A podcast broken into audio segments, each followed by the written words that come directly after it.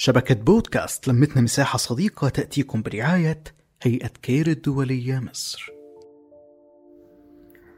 أهلا وسهلا فيكم مستمعين بودكاست همسات حديثنا اليوم رح يكون عن الذكاء الموسيقي اللي فينا كمان نسميه بالذكاء السمعي أو الإيقاعي وهو قدرة على التعامل مع الآلات الموسيقية وعلم الأصوات بمهارة وبراعة.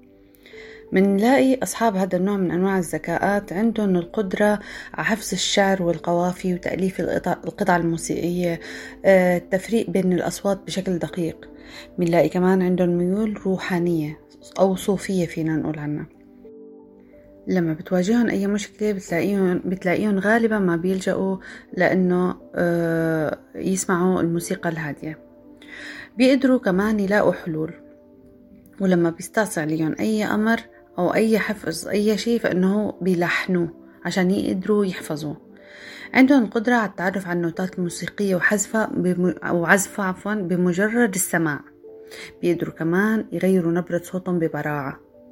أصحاب هذا النوع من أنواع الذكاءات بنلاقيهم أغلبهم ملحنين عازفين مغنين وكمان بيشتغلوا بمجال الإعلانات المسموعة وبيشتغلوا بالنقد الموسيقي. مدرسين مادة الموسيقى كمان ممكن نلاقيهم مهندسين برمجة صوتية.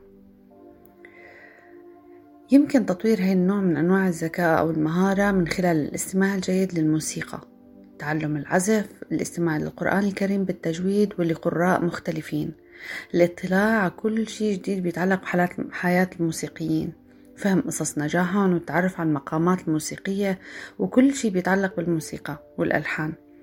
كمان يحاول إنه هو يقلد الأصوات. هذا الشي بيساعده كتير بتنمية الحس الموسيقي.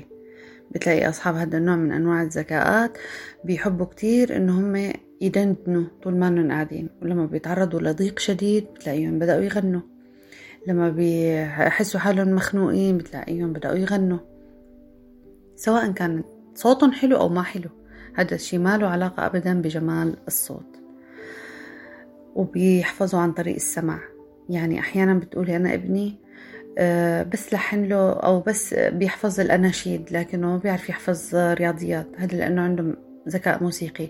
لو أنت لحنتي له جدول الضرب رح يحفظه. وفيك تدخلي المعلومة للطفل اللي عنده الذكاء الموسيقي عن طريق تلحين الجملة. آه، لو بتتذكروا مسرحية آه، يعني جزء هيك اجى من مسرحية مرة. عم يحكوا فيه عن آه، الطريقة الجديدة بالتعليم اللي هي تلحين الكلام. تبعت صلاح الدين الأيوبي عمل إيه؟ بنى القلعة. شفتوا الفكرة هاي؟ هي بتحكي فعلا عن الذكاء الموسيقي.